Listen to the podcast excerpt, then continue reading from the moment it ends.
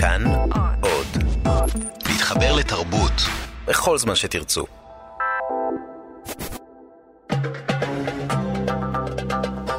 גם כן תרבות. עם גואל פינטו.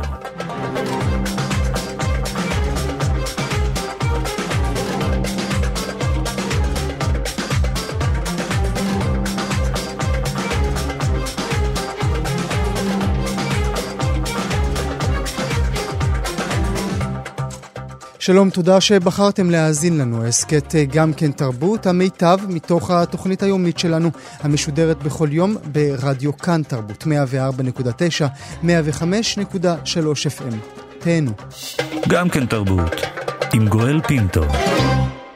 והנה אנחנו מתחילים מיד עם הנושא הראשון שלנו לשעה זו, את uh, בית הכנסת הגדול של תל אביב, זה שנמצא בפינת הרחובות אלנבי ואחד העם, בית הכנסת הראשון של תל אביב, בראשו כיפה גדולה בקוטר 18 מטרים.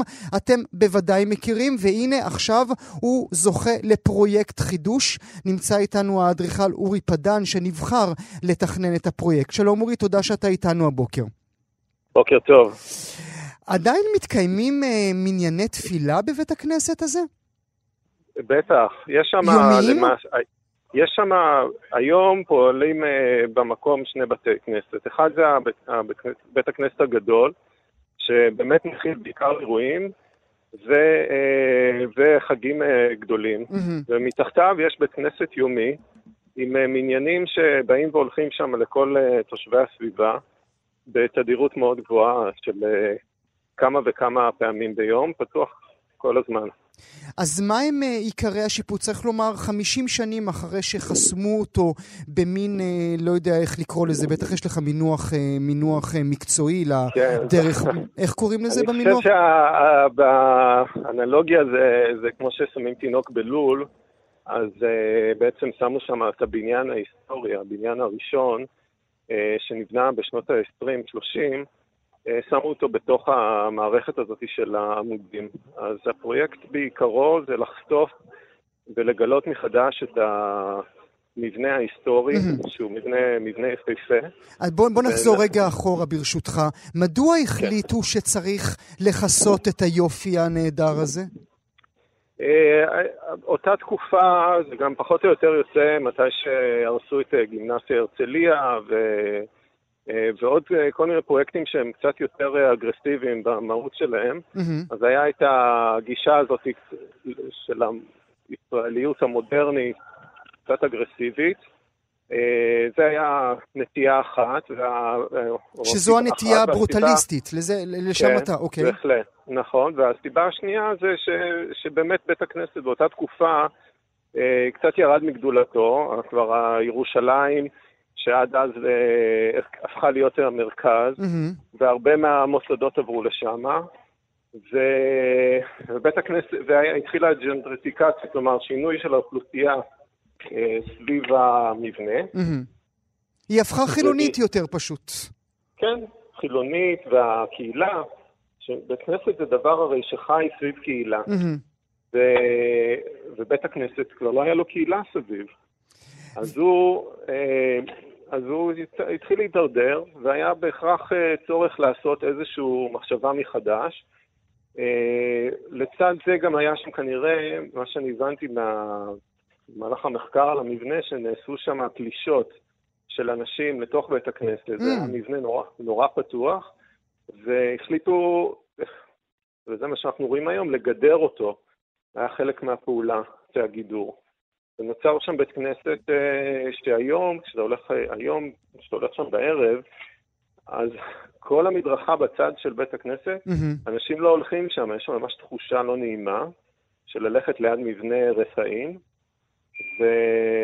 והמדרכה ריקה, ואם מישהו עובר שם, אז אה, לרוב אה, כן. עובר למדרכה שממול. עכשיו, לך יש, יש כבר התמחות בשימור מבנים היסטוריים, עשית את זה בחצר אה, סרגי בירושלים היפהפה. אה, אה, איך ניגשים לדבר הזה? האם בעצם הדבר הראשון שאתה כותב על הלוח אצלך במשרד זה להחזיר עטרה ליושנה? ממש, לא. מתחילים המתודולוגיה של שימור, שהיא כבר פרקטיקה שקיימת מספר שנים רב, זה לעשות מחקר, ל- ל- ל- להבין את המבנה הזה מכל כיוון שאפשר, גם מבחינת השימוש שלו ומבחינת האדריכלות שלו והסגנון, שזה דברים מובנים, וגם מבחינת הסטטוטוריקה, אבל גם מבחינת להבין למה באמת עשו בשנה זו וזאת את השיפוץ הזה mm-hmm. והוסיפו את הדבר ההוא. כי אנחנו באים, כשאנחנו באים לעשות שימור, אנחנו רוצים להבין ו, אה, ולא לפגוע, או אם לעשות שינוי, אז להבין למה השינוי הזה יהיה לטובה ואיך הדבר, אנחנו חיים ב... ברצף של זמן, אנחנו mm-hmm. לא יש מאין. לא, לא בהכרח ישר למחוק את הכל, אלא לנסות בדיוק. להבין. וגם במה, חלק מהקונספט של השיפוץ החדש זה להשאיר אה, גם את הארקדה הזאת שעשה אדריכל אלחנני, שזה אדריכל חשוב שהיה לנו, אה, להשאיר את הארקדה שפונה לכיוון אה, מערב, להשאיר אותה ובנפח שבינה ובין בית הכנסת ההיסטורי, שמה להתאים את הפונקציות. צריך לה, גם השיפוץ שעשה אלחנני, היה, היה לו, היה גם מחשבה מאחוריו.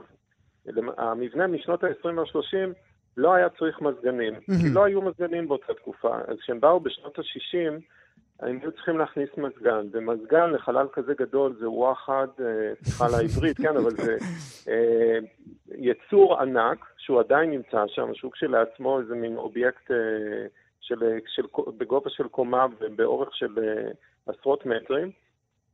ו, אה, אבל איפה אתה שם את זה? Mm-hmm. אז, אז גם אלחנני עבר איזשהו תהליך להחליט איך, מה הוא עושה ו, אה, ואיך הוא מכניס את הדברים. ואנחנו, בתהליך שאנחנו עברנו, אז לא קודם כל אמרנו בוא נמחק ונחזור אחורה, כי אז לא פתרנו כלום, אנחנו חוזרים למבנה שאין לו מזגנים ואין לו נגישות, ו, ואנשים לא יכולים אה, להשתמש בחלקים ממנו, ובטח לא נכים ולא...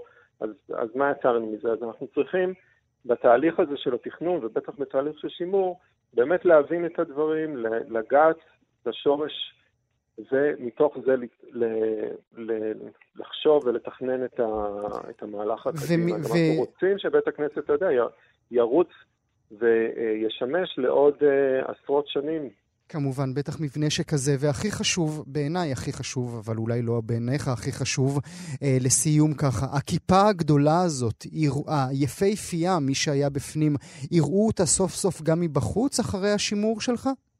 כמו שאומרים, בבתי כנסת, בעזרת השם. ובכל זאת, מה עם האדריכל? מה עם בעזרת האדריכל? לא, לא, בהחלט, בהחלט, בהחלט אנחנו, המטרה היא, אה, היא, שמה, היא פשוט בלתי נראית, כי הפינה הזאת של הארקדה, של הקשתות, לא מאפשרת לראות אותה, היא שינתה את הזוויות ראייה, אבל עכשיו אנחנו נפתח את זה, ואפשר יהיה לראות אותה מרחוב אלנבי ומרחוב אחד העם. ובהחלט היא תהיה משמעותית. יש תמונה מאוד יפה, יש לנו, יש לנו גם אתר, אפשר לחפש את זה, יש תמונה מאוד יפה שרואים את בית הכנסת בלילה וגם רואים אותו באירועים של אה, היסטוריים, הרי הוא היה מקום המרכזי של העיר העברית, mm-hmm. אז את, ה, את ההלוויה של ביאליק, היא הייתה צריכה לעבור ליד בית הכנסת, ורואים שם עם רב עומד על בית הכנסת וסביבו, ו... ואת התהלוכה הולכת באמצע. זה, זה פשוט מרגש כמה המבנה הזה היה... אה, מרכזי.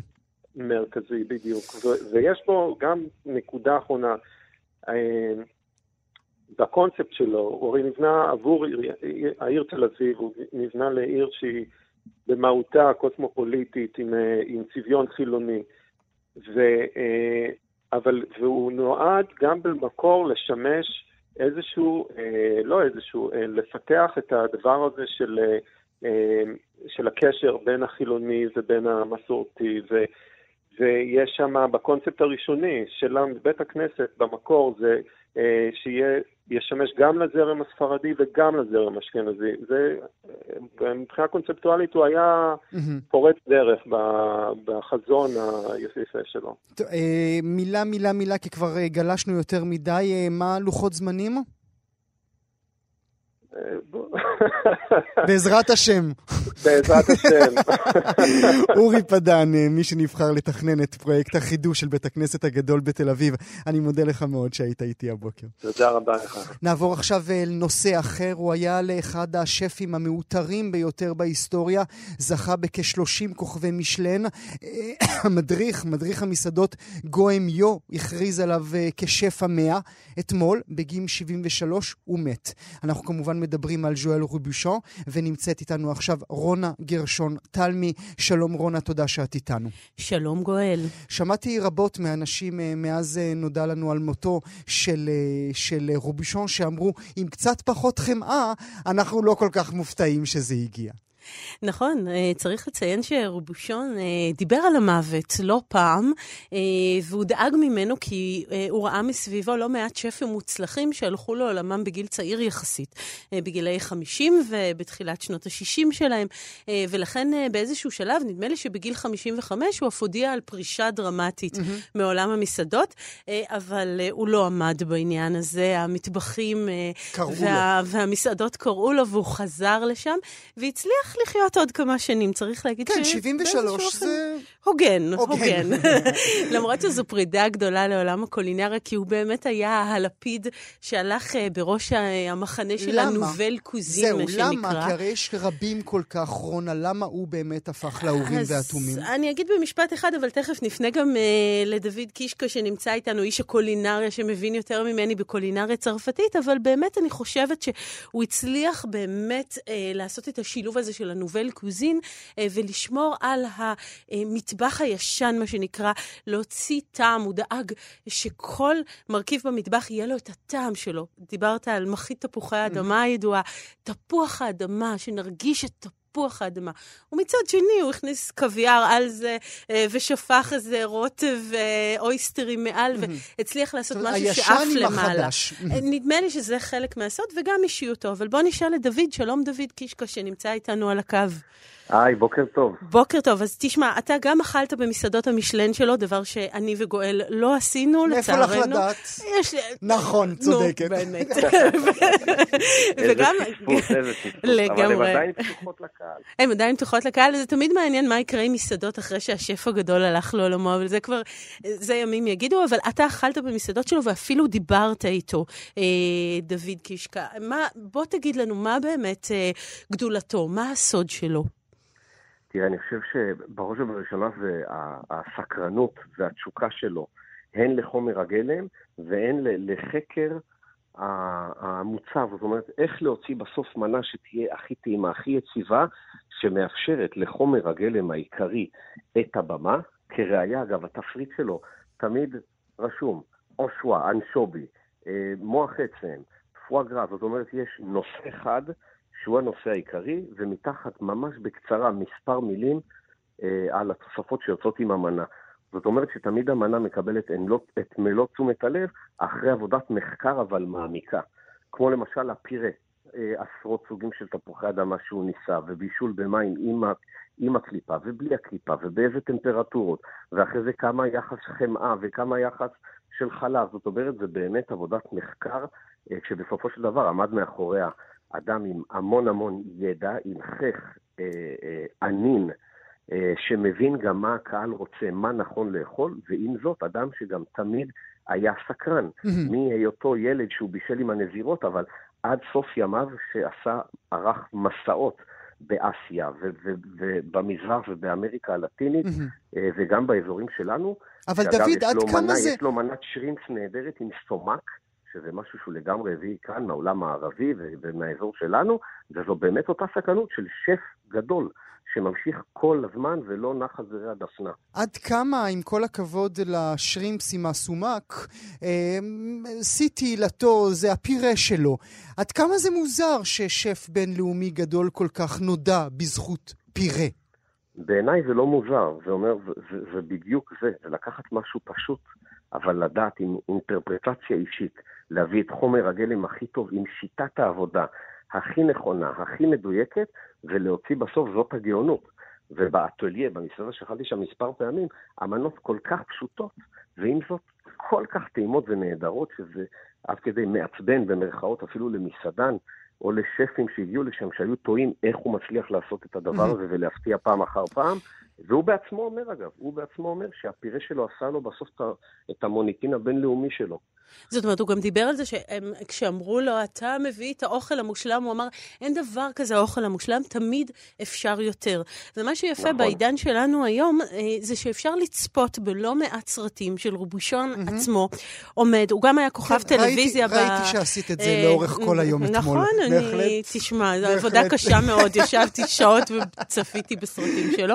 אה, ובאמת אפשר לראות אותו עומד ומכין את הפירה הזה שוב ושוב. שוב, וזה נדמה שזה כל פעם, בפעם הראשונה, זאת אומרת, אה. הזכיר כאן דוד את העניין שהמטבח הופך כמעט להיות מעבדה.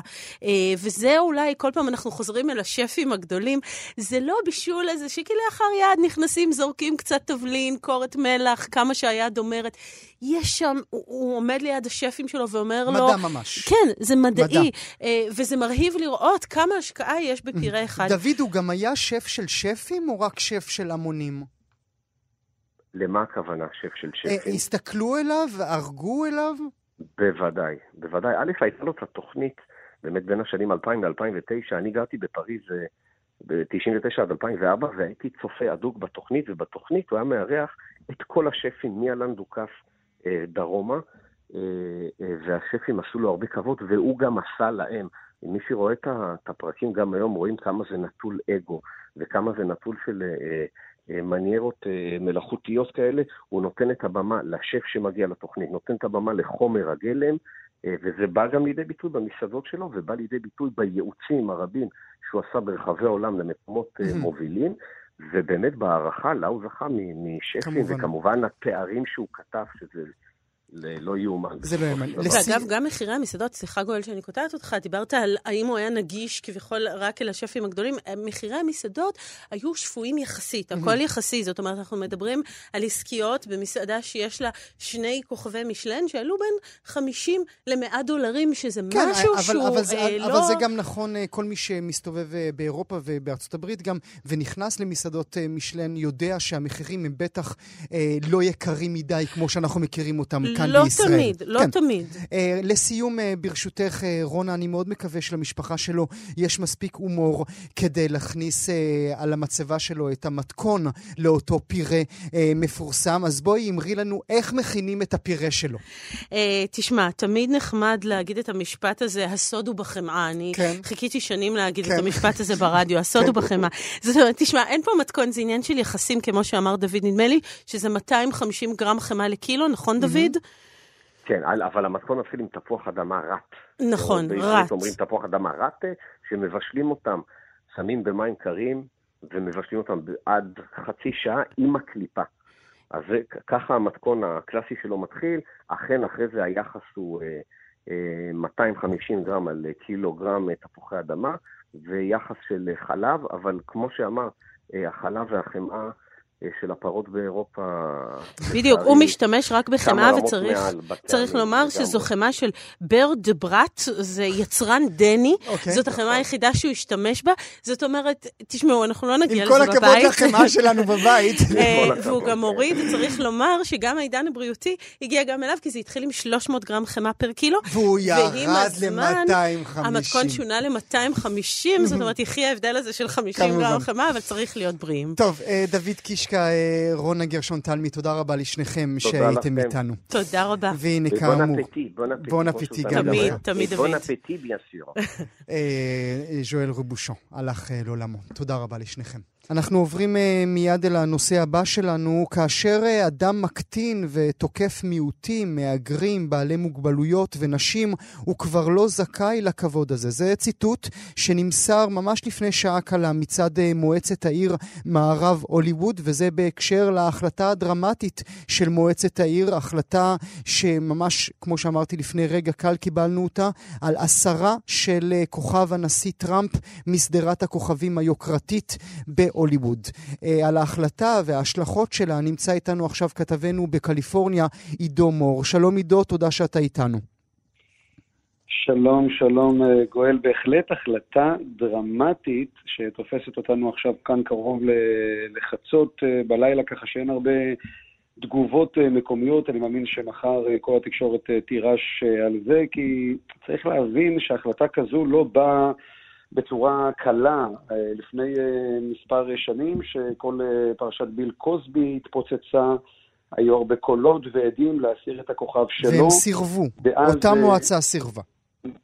ממש ככה, המועצה סירבה ואף הסבירה ואמרה שברגע שאדם מקבל כוכב על השדרה, הכוכב נשאר שם, ולא משנה פעולות נוספות שאותו אדם יעשה בעתיד, העובדה uh, תישאר כעובדה שהכוכב uh, לא יזוז, ופה בעצם לראשונה, בהיסטוריה לפחות ממה שאנחנו למדים כרגע, ההחלטה הזו יצאה לפועל ממש הערב, והם גם חיכו עם זה לשעה מאוחרת כדי שהחדשות, איך אומרים, ימתינו עד הבוקר. הסייקל יחכה. כאן אה, לוס אנג'לס. כן.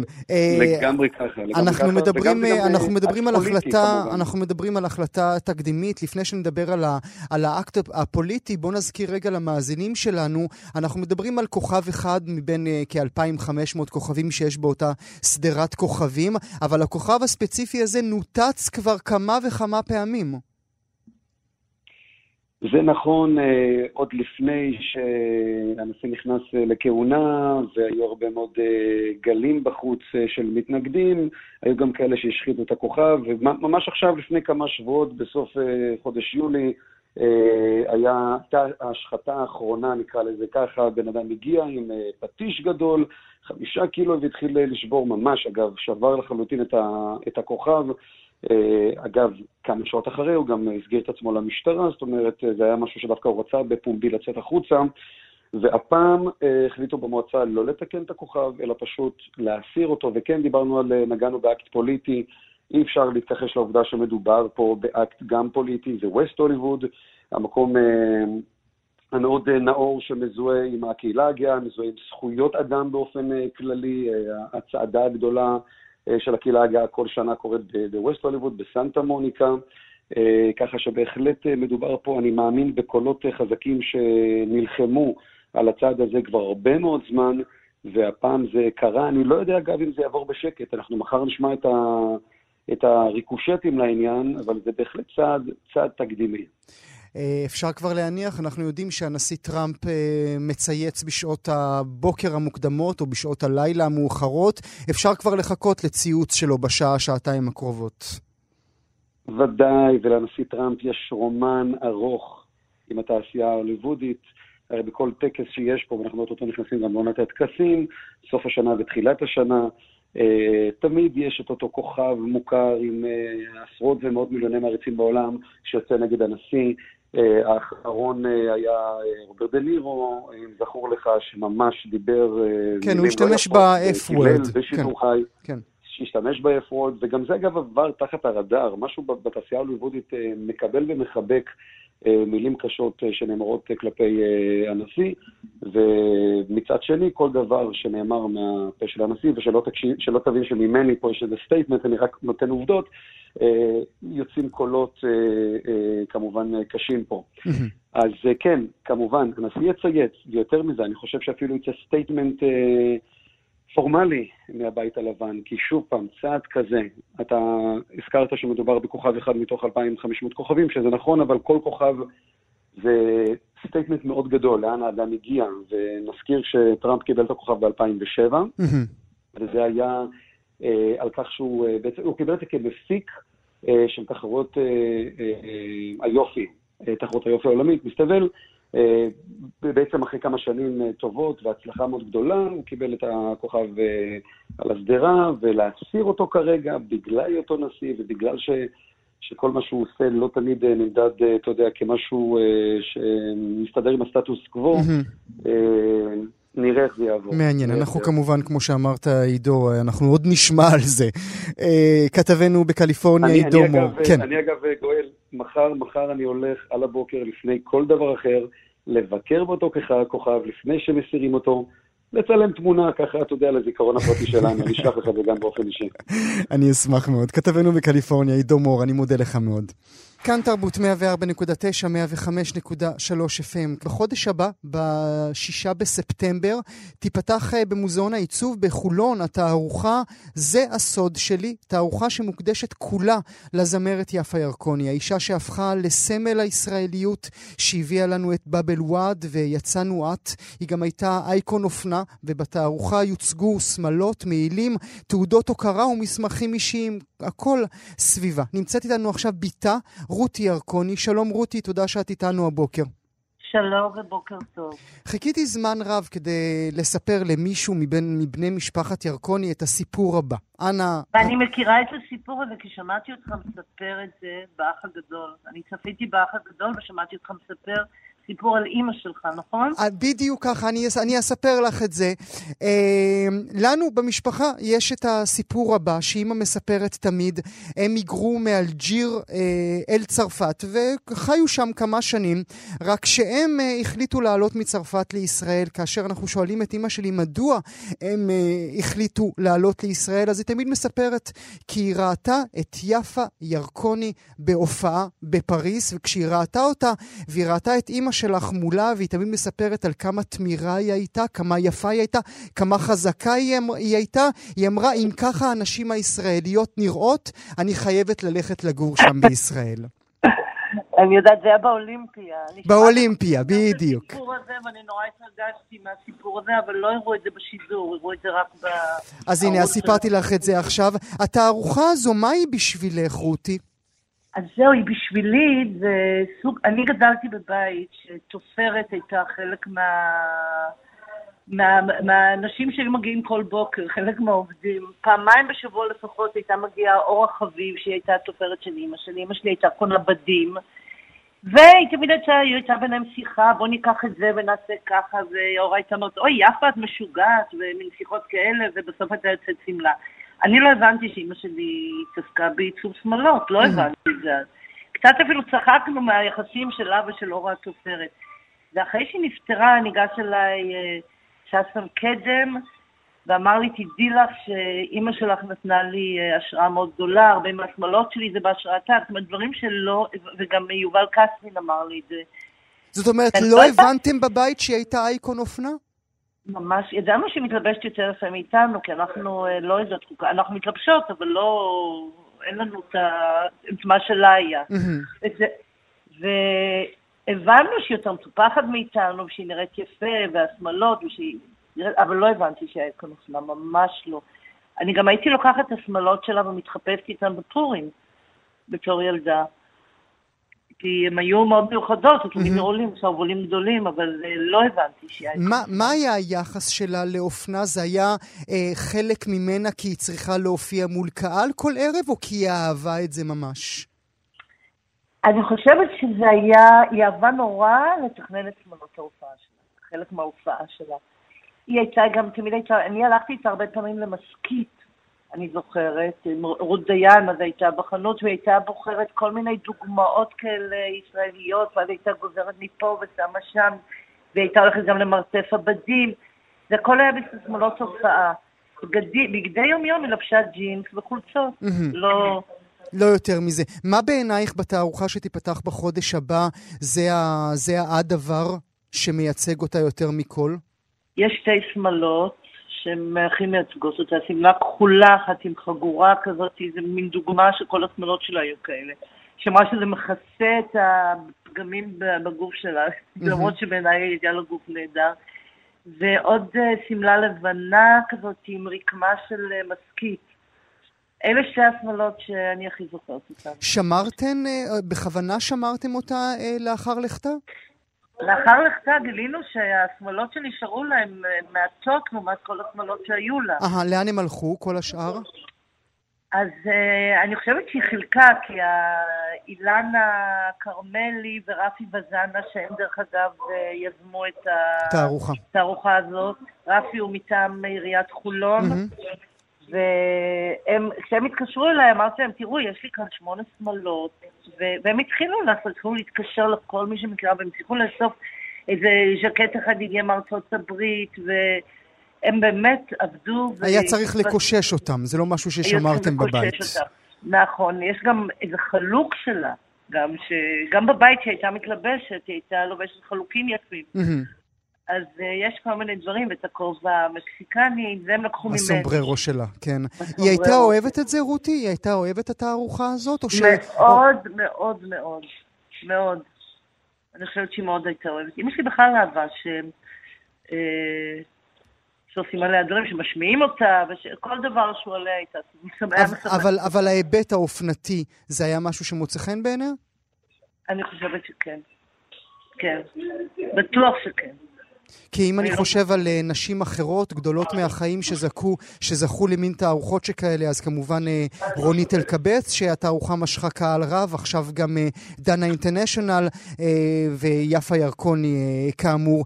ציינתי, רותי, שיש גם מסמכים אישיים. תפני אותנו לאחד במיוחד חשוב בעינייך. אה, זה לא כל כך מסמך אישי, זה דברים שקשורים לקריירה שלה. זה, למשל ראיתי שהם אה, מצאו, הם לקחו את הרבה דברים מהספרייה הלאומית, כי אנחנו העברנו את כל הדברים מהספרייה הלאומית בירושלים. הם לקחו למשל מחברת שהייתה למשל לומדת, היא הייתה מופיעה בכל העולם, ודווקא שיר בצרפתית, שהיא למדה אותו, שהייתה כותבת את זה בעברית, mm-hmm. אבל עם ניקוד אה, צרפתי, איזה שיר כזה שעם הקצב המסודר שלה והיפה. ויש גם, לפני שהיה את ה... נו, איך קוראים לזה? ה prompter הזה ש, שמופיעים וזה מופיע על, על ה prompter. prompter. אז היא הייתה מכינה שלטים כאלה גדולים, כי היא לא זכרה את המילים של השירים. ותמיד מישהו היה עומד ומחזיק לה בכתב ידה. אז גם דברים כאלה. יש את הסוף שלה, היא ידעה לתופף. היא למדה, יש את הדרבוקה שלה. לא הרבה יודעים את זה, אבל היא תופפה ממש טוב. איזה יופי. אז אה, כאמור, בחודש הבא, בשישה בספטמבר, הפתיחה של זה הסוד שלי. רותי, למה זה הסוד שלי? זה, השם הזה לוקח אותי אה, לתוכנית ההיא של, אה, של ערוץ אחד ברשות השידור. נכון, היה פעם תוכנית כזאת, אבל יש שיר כזה שהיא תרגמה מצרפתית. אומרת, לא היא תרגמה, אלא היא ביקשה שיתרגמו לה, והיא פרסמה אותו, שזה נקרא זה הסוד שלי. הסוד שלי, בטח אתה מכיר את זה. זה הסוד שלי. הם חיפשו, כן. חיפשו שם של שיר, וזה הכי התאים להם. נחמד. טוב, אה, רותי ירקוני, אני מאוד מודה לך אה, שהיית איתנו, וכאמור, זה הסוד שלי בחודש הבא אה, בגלריה לאומנות בחולון. תודה רבה שהיית איתנו. תודה רבה לך. אל הנושא הבא שלנו. נדבר עכשיו על החלטה מעניינת של הרשתות החברתיות בארצות הברית, של ההנהלה של הרשתות החברתיות בארצות הברית. מנחה תוכניות הרדיו האמריקאי אלכס ג'ונס, איש הימין הפוליטי בארצות הברית, יש לו איש שיש לו עוקבים ונאמנים רבים, הוא איש שקידם תיאוריות קשר מזוויעות בנוגע לאסון התאומים, איש שטען שהנאצים בהפגנה בשרלוטסוויל היו בכלל יהודים מחופשים, הוא טען שהדמוקרטים מעורבים ברשת יבוא ילדים למטרות מין, הוא הפיץ תכני שנאה נגד טרנסג'נדרים ומוסלמים. עכשיו מחליטות אה, הנהלות הרשתות החברתיות להחרים אותו. כן, גם היוטיוב, גם הספוטיפיי וגם אפל מסירה תכנים שלו מהאתרים. האתרים שלהם. נדבר עכשיו על ההחלטה הזו, היא בלי ספק תקדימית, עם הפרשן לענייני אמריקה, יפתח דיין. שלום יפתח. שלום רב גואל. אז הכל זה חלק מאותו מאבק נגד כותרת ה fake news? אה, זה בהחלט נופל בזירה הזו של ה fake news ושל uh, תוכן פוגעני. הדבר המעניין הוא שאלכס ג'ונס באמת מפורסם בתיאוריות הקונספירציה שהוא מפיץ ובשקרים שהוא מפיץ כנראה ביודעין, או שלא, זה במקרה גם יפסוק בית משפט בקרוב, אבל האמת שבמהלך הזה של פייסבוק ואפל ויוטיוב, הטיעון המרכזי לחסימה ולהסרת תכנים שלו הוא לא ההפצה של שקרים, אלא קידום שיח של שנאה mm. והאדרת אלימות.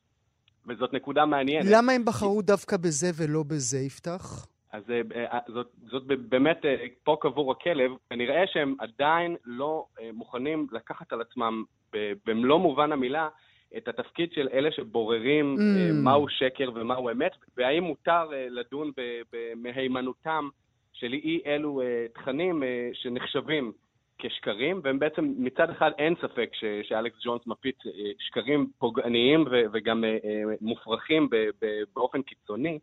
אה, אבל אה, הם הלכו על הטיקט הזה של אה, הפצת שיח שנאה, שזה גם כן דבר שאין ספק שהוא עושה, וזה הטיעון המרכזי בעצם להסתרה של כל התכנים הללו. מתי הוא קיבל את התהילה שלו? מה היה הרגע שאלכס ג'ונס הפך לנביא עבור קהילה רבה באמריקה? תראה, היו לו כמה רגעים אה, גדולים אה, בקרב הקהילה הקטנה יחסית של אה, אנשי הקונספירציות, לפחות קטנה עד, אה, עד ימיו של דונלד טראמפ. אה, עוד בשנת 2001, אה, עוד לפני פיגוע 11 בספטמבר, הוא טען שהולך להיות פיגוע אה, בסדר גודל כזה, ואפילו, אם אני לא טועה, גם הזכיר את מגדלי התאומים כמטרה אפשרית, ואז בעצם זה סחף אליו הרבה מאוד תשומת לב. ב, ב, אבל הפריצה הגדולה שלו, בוא נגיד ככה, היא באמת סביב שנת 2016, סביב הטענה המוכרת ביותר שלו, שהניוטאון, שהטבח תיכון ניוטאון שבקונטיקט היה בסנדי הוק, בעיר ניוטאון, היה בעצם אה, אה, אחיזת עיניים.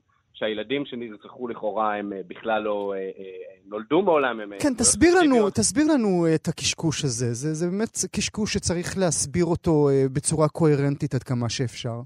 בהחלט. בעיקרון, אלכס ג'ונס תומך בכל נושא הנשק. הוא באופן קיצוני, אפילו יותר ממה שאנחנו מכירים באופן כללי. הוא uh, תומך ב- בכל הנושא של הנשק, והוא יש לו טענה שכל פעם שקורה משהו בארצות הברית, שלכאורה אמור להרתיע אנשים מלאהוב uh, נשק, זה כנראה הממשלה יוזמת איזשהו מהלך כדי uh, להכפיש אנשים טובים עם נשק, טוען שכל מהלך, כל uh, אירוע uh, קשה שקורה עם נשק, המדינה בעצם היא מעורבת בו ומביימת אותו, והטענה הכי מפורסמת שלו היא שהטבח בתיכון אה, אה, סנדי הוא, בו נהרגו ילדים בכיתות א', ב' וג', הוא אה, בעצם היה אירוע מבוים. הוא טוען את זה בהרבה מאוד מקרים. אירוע שבו ההורים בעצם העמידו פנים שהם אבלים על ילדים שמעולם לא נרצחו, כי הם מעולם לא היו קיימים מלכתחילה, ושזאת בעצם הייתה אבל זה שקר שנורא קל לגלות, תפתח, אני, אני מבין שקרים לא נחתנו על הירח. אני מבין את השקר הזה, אני מבין כן, שקרים... שגם את זה הוא טוען כמובן. אני, אני מבין שקרים גדולים מהחיים, אתה יודע, כמו סרטים, זה אני מצליח להבין. אבל שקרים של ילדים לא נולדו, כאילו לכו רגע למשרד הפנים ותוציאו תעודות לידה. תראה, מה שמפריע לו זה לא יכולת האי-אימות השקר, וכיוון שתרבות אה, החופש הביטוי בארצות הברית היא מאוד אה, ענפה ומוגנת בחוקה, עצם העובדה שהוא משקר גם לאו דווקא מעמידה אותו בסכנה משפטית. השאלה המעניינת במקרה של אלכס ג'ונס זה האם ניתן להוכיח שהוא ידע שהוא משקר ברגע שהוא אמר את אותם דברים, לא, ולא הייתה עליו חובה של בדיקת הדברים. והסיבה לזה שהוא, שהטענה הזאת היא מעניינת היא שאלכס ג'ונס נתבע כרגע על ידי המשפחות של סנדי הוק, שבעצם אומרות שהוא, לא רק שהוא פגע בהם ברמה הרגשית, הוא גם ממש אה, גרם לנזקים אישיים ממשיים. הרבה מאוד מהחסידים שלו בעצם אה, רודפים אחרי ההורים האלה בכל מיני מקומות ומתעמתים איתם על אה, שאלת המוות של הילדים שלהם. הייתה איזושהי משפחה שנאלצה לעבור דירה שבע פעמים עד שהיא עברה לגור בקהילה מוגנת, כי, כי בעצם החסידים שלו המשיכו להטריד אותם. והם אומרים בעצם שיש להם איזשהו טיעון לגבי אלכס ג'ונס, זה שאתה יכול לראות שכאשר יש לחץ מאוד גדול עליו, כמו לדוגמה עכשיו, כשאוסרים תכנים שלו, אז הוא בעצם אה, אומר שהוא לא טוען במלוא מובן המילה שהדברים באמת כהווייתם, כלומר, הוא כן רומז שהוא יודע שהדברים שלו יש בהם מידה של אי-דיוק. Mm-hmm. וזה טיעון משפטי מעניין, כי אם הוא באמת יודע שיש אה, אה, אי-דיוק בדברים שלו והוא מפיץ אותם בכל זאת, אז התיקון הראשון לחוקה, התיקון שמגן על חופש הביטוי, לא שומר לא עליו. לא לחול עליו, והוא עלול גם אה, אה, לחטוף על זה עונשים משמעותיים. מילה, מילה לסיום ברשותך, יפתח. האם, האם ההחלטה המעניינת הזאת של הרשתות החברתיות, כמו שאמרנו, גם יוטיוב, גם אפל, גם ספוטיפיי ואחרות, ההחלטה שלהם תפתח את הדלת גם לאח... החרמה של אנשים אחרים שם באמריקה? תראה, זה מאוד יכול להיות, למרות שאני באמת לא יכול לחשוב על מישהו שזכה לכזאת אה, אה, תהילה כמו אלכס ג'ונס מתוך עולם הקונספירציות. אה, הם ממשיכים להיות זהירים. צריך להגיד, עד לפני שבוע הם בכלל לא היו מוכנים לחסום אנשים, הם היו רק מוכנים להאט mm-hmm. קצב הפצה של תכנים. זה בעצם פעם ראשונה שהם לוקחים מהלך באמת קיצוני. יוטיוב, שים לב, לא רק שהיא הסירה תכנים, היא גם חסמה את הערוץ שלו, שזה מהלך מאוד גורף. אה, האם זה יקרה שוב? אני מניח שזה נועד אה, אה, בהחלט להציב איזשהו קו אדום. שהבאים שיעברו אותו יחסמו בו גם, ואני גם מניח שתהיה יהיו דרישות מקרב הימין הקיצוני לבצע פעולות דומות כנגד אה, אנשים כמובן. שמפיצים שיח דומה בשמאל הקיצוני, ויהיה מעניין לראות אם זה באמת גם יקרה. יפתח אה, דיין, הפרשן לענייני אמריקה, אני מודה לך מאוד שהיית איתי הבוקר. שמחתי, כל טוב. כאן הגיעה לסיומה תוכנית נוספת של גם כן תרבות. כרגיל, אנחנו שולחים אתכם לעמוד הפודקאסטים שלנו, עמוד ההסכתים, בכתובת כאן.org.il/פודקאסט. שיהיה לכם מה להאזין. תודה שהייתם איתנו.